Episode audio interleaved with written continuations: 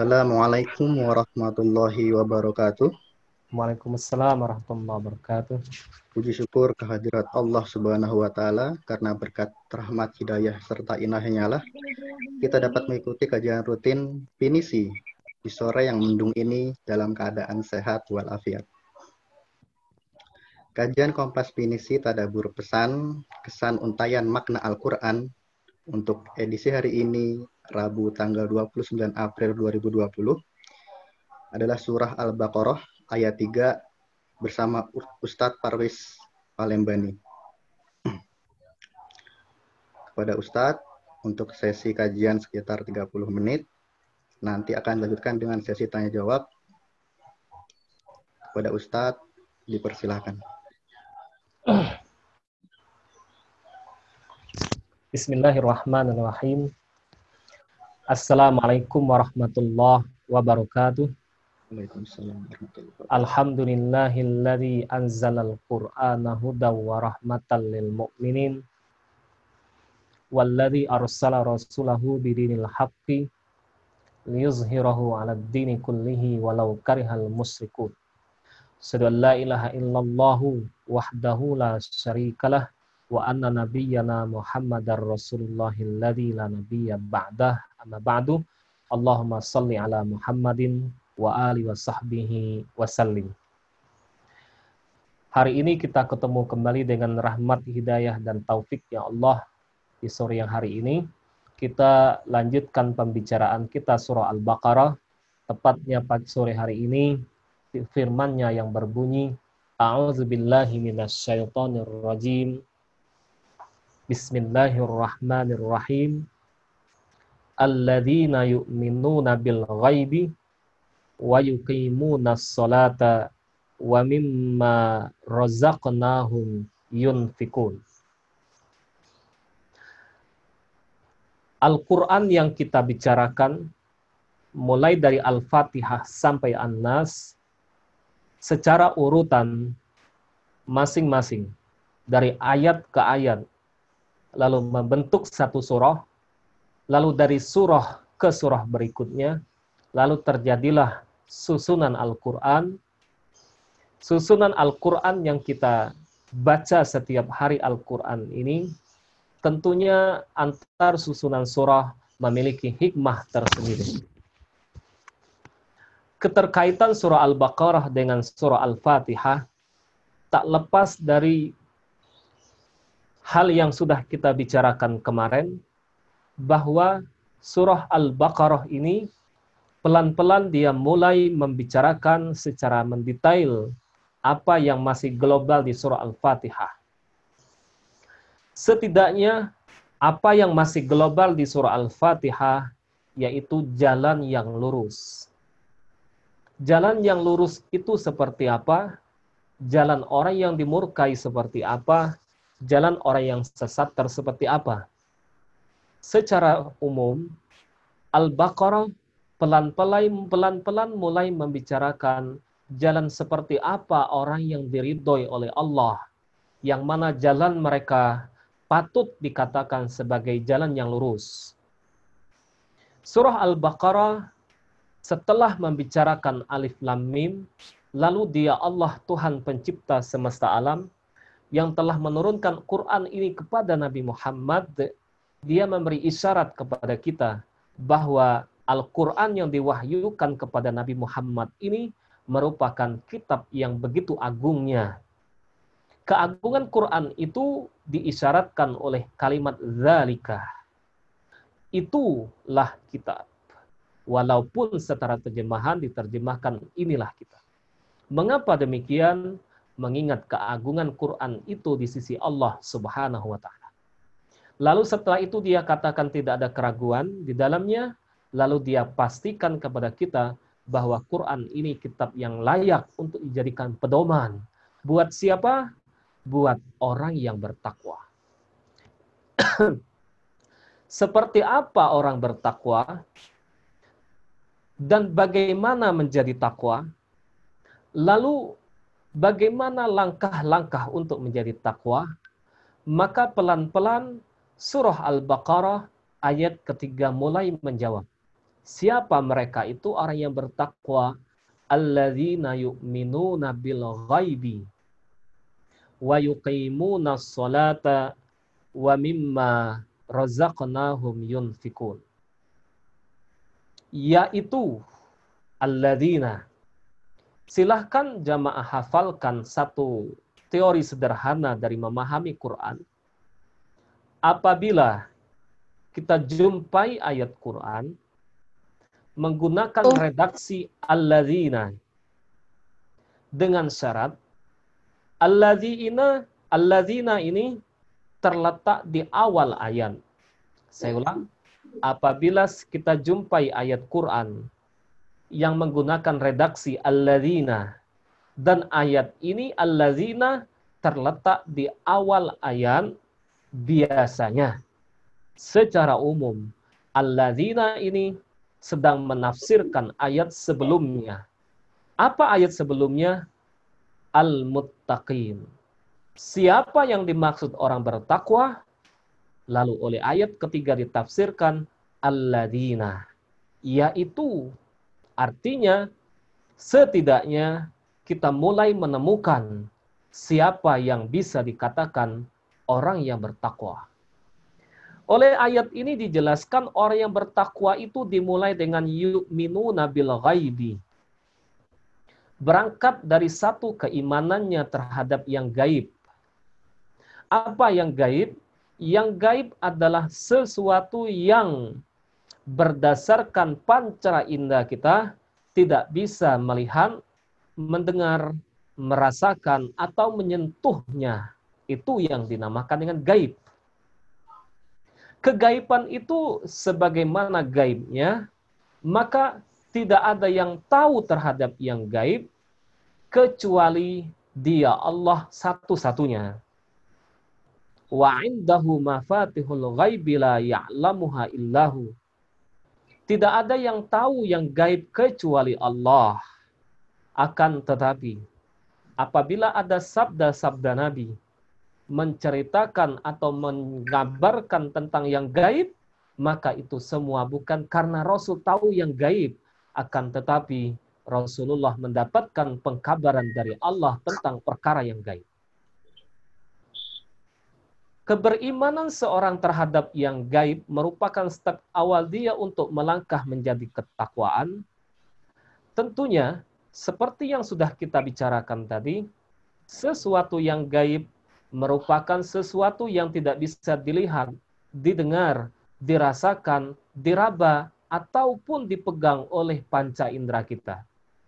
Maka karena itulah dinamakan dengan gaib. Tentunya kalau kita lihat rukun iman, rukun iman terdiri dari enam. Iman kita kepada Allah, kepada malaikatnya, kepada kitabnya, kepada para rasulnya, kepada hari kiamat dan kepada qada dan qadar semua itu adalah perkara yang gaib. Maka tepat sekali keenam rukun iman ini dinamakan rukun iman. Mengapa? Keberadaannya hanya bisa kita akui hanyalah dengan mengandalkan keimanan kita.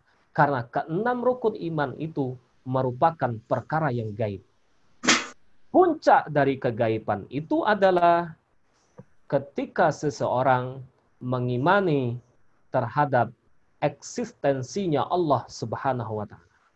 Kami ulang, yang menempati yang paling gaib adalah Dia Allah, Tuhan pencipta semesta alam.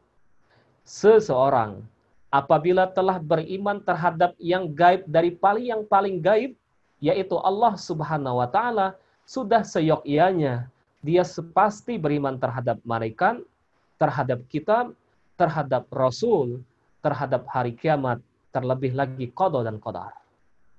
Sebenarnya berdasarkan teori, apabila seorang sudah mengimani Allah, keberimanannya terhadap Allah, mengingat Allah adalah yang paling gaib dari sekian yang gaib, maka sebenarnya baginya tidak sulit untuk mengimani adanya malaikat dan seterusnya.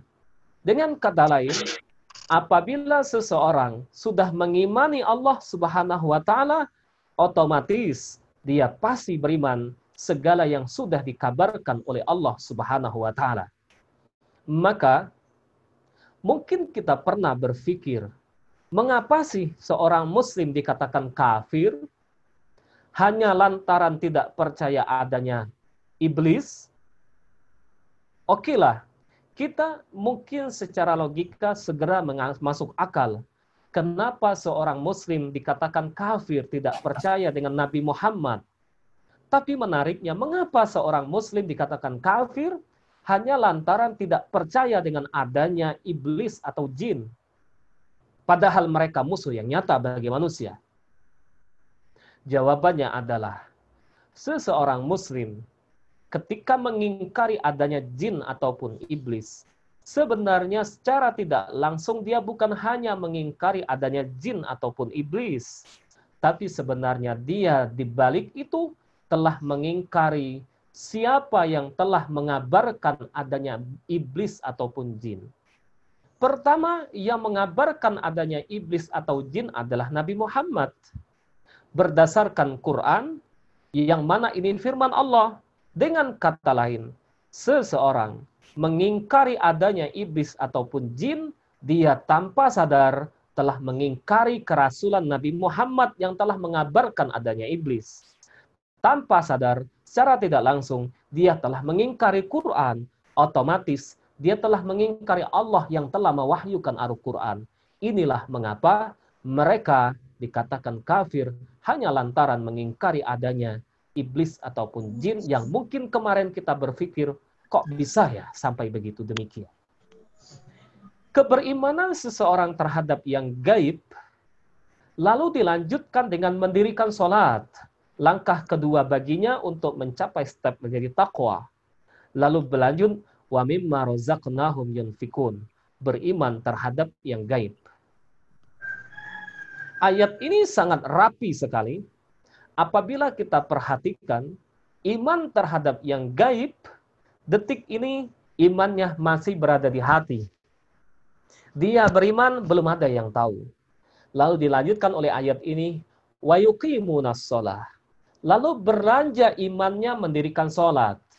Sekarang dirinya sudah kelihatan orang beriman karena dia telah melakukan sholat. Terlebih lagi, sholat itu dia lakukan secara berjamaah di masjid. Masyarakat sekitarnya tahu kalau dia orang beriman. Akan tetapi, iman ini masih belum sempurna.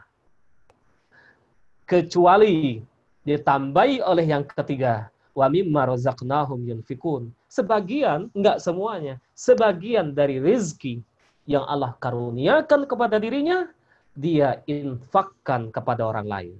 Maka ketika dia mulai berinfak dengan rezeki yang Allah berikan kepadanya, maka imannya, takwanya sudah dirasakan oleh orang lain.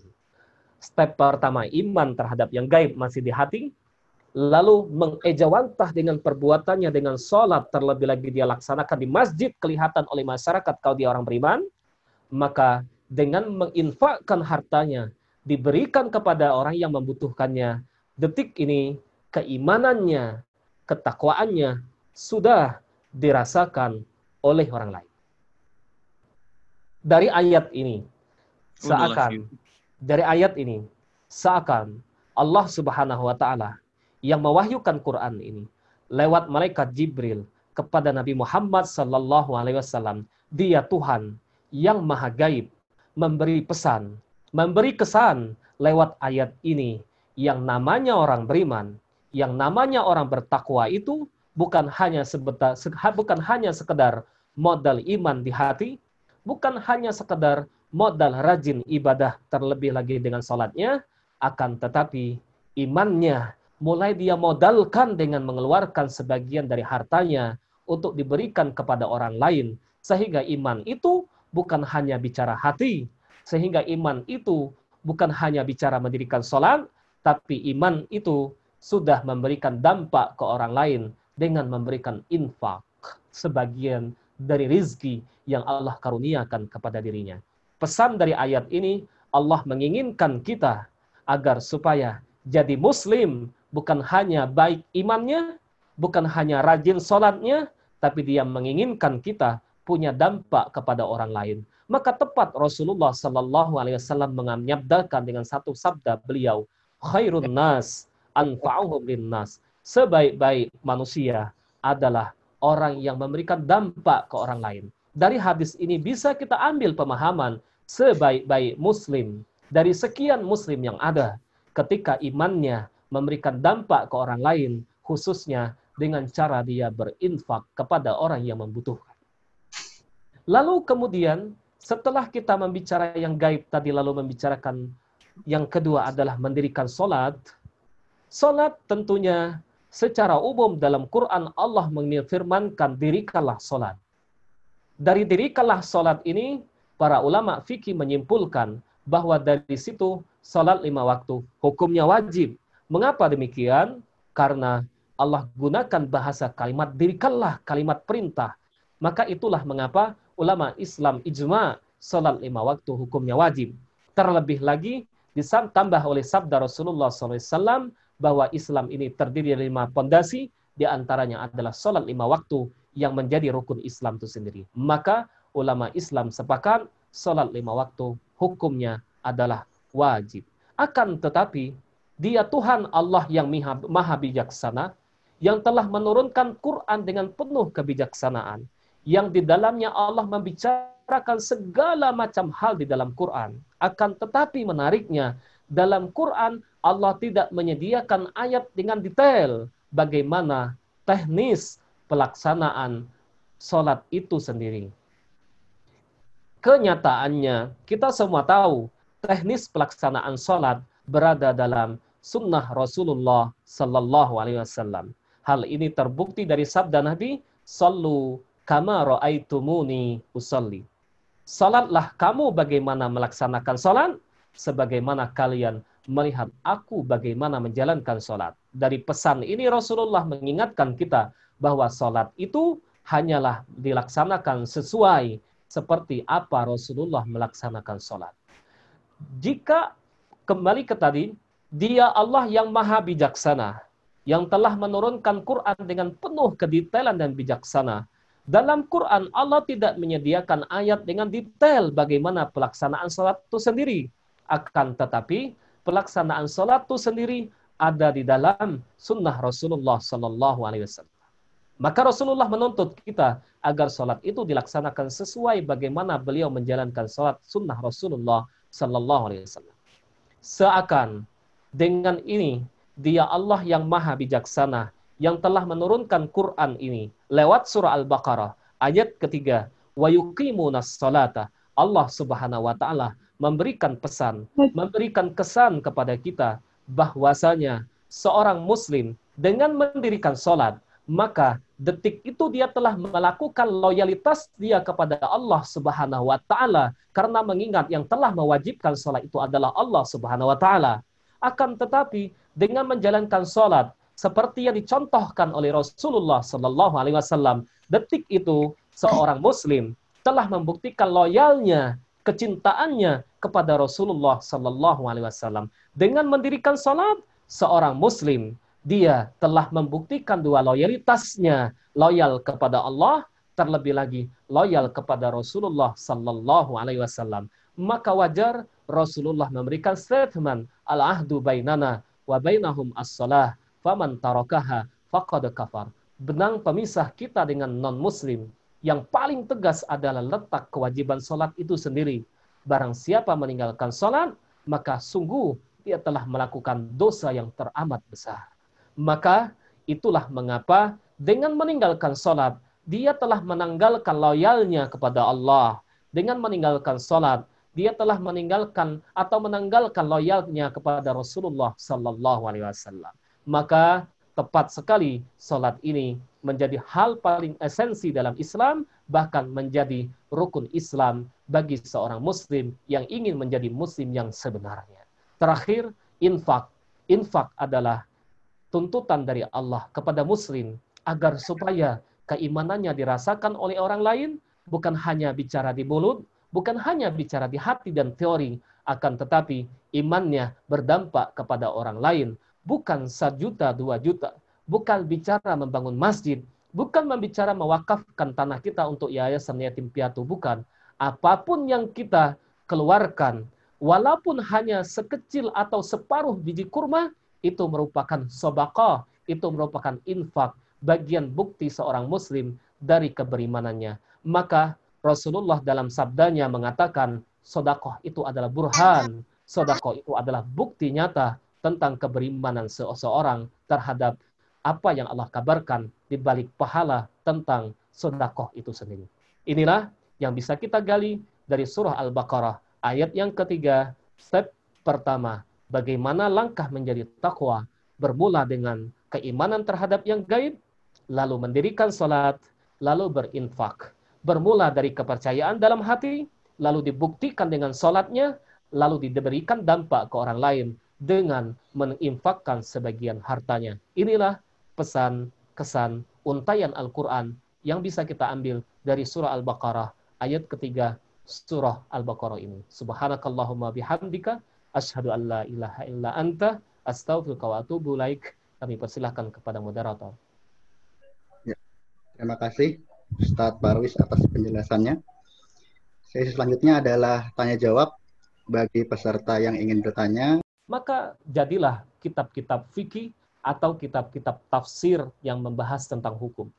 Ada yang fokus mengkaji Quran lewat pendekatan bahasanya, lewat pendekatan tauhidnya, lewat pendekatan seseranya, lewat pendekatan sejarahnya, dan sejenisnya.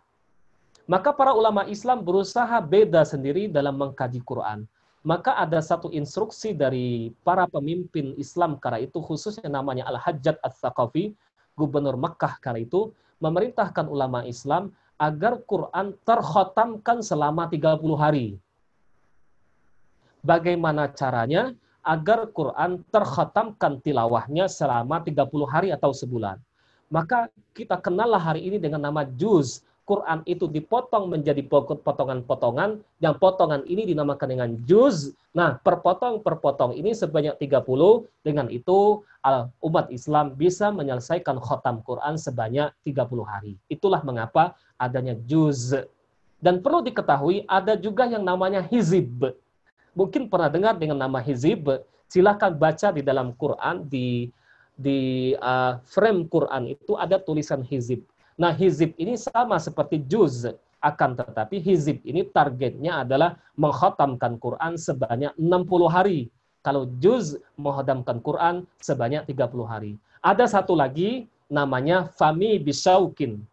Apa itu fami bisaukin? Fa, mim, ya, ba, sin, waw, dan kaf. Apa ini fami bisaukin? Fami bisaukin ini ada mewakili lima huruf, eh, mewakili enam huruf. Fa, mim, ya, sin, waw, kaf, uh, waw, dan kaf. Enam huruf ini, tujuh huruf ini. Apa ini tujuh huruf ini? Dibaca dengan fami bisaukin. Ini mewakili nama-nama surah agar supaya dengan tujuh huruf ini Al-Quran terhotamkan selama seminggu. Apa itu? Dimulai dengan Al-Fatihah sampai ke huruf mim. Apa mim? Surah Al-Ma'idah. Artinya surah Quran terhot pertama dibaca sehari dari Al-Fatihah sampai Al-Ma'idah. Setelah itu ya sampai ke surah Yunus. Setelah ya ba sampai ke surah Anbiya. Kemudian setelah itu huruf sin surah As-Su'ara. Setelah sa sin kemudian waw surah Was-Safan. Kemudian uh, sya waw Qaf, Qaf sampai ke surah Qaf, setelah Qaf berakhir dengan surah An-Nas. Ini adalah menghotamkan Quran sebanyak tujuh hari. Jadi adanya juz adalah inisiatif ulama dibagi dengan 30 potongan agar supaya terhotamkan sebanyak 30 hari atau selama sebulan. Allah Terima kasih Ustadz atas jawabannya. Hmm. Mungkin ada lagi yang ingin bertanya, dipersilakan satu pertanyaan lagi perkenalkan dirinya, lalu sebutkan pertanyaannya.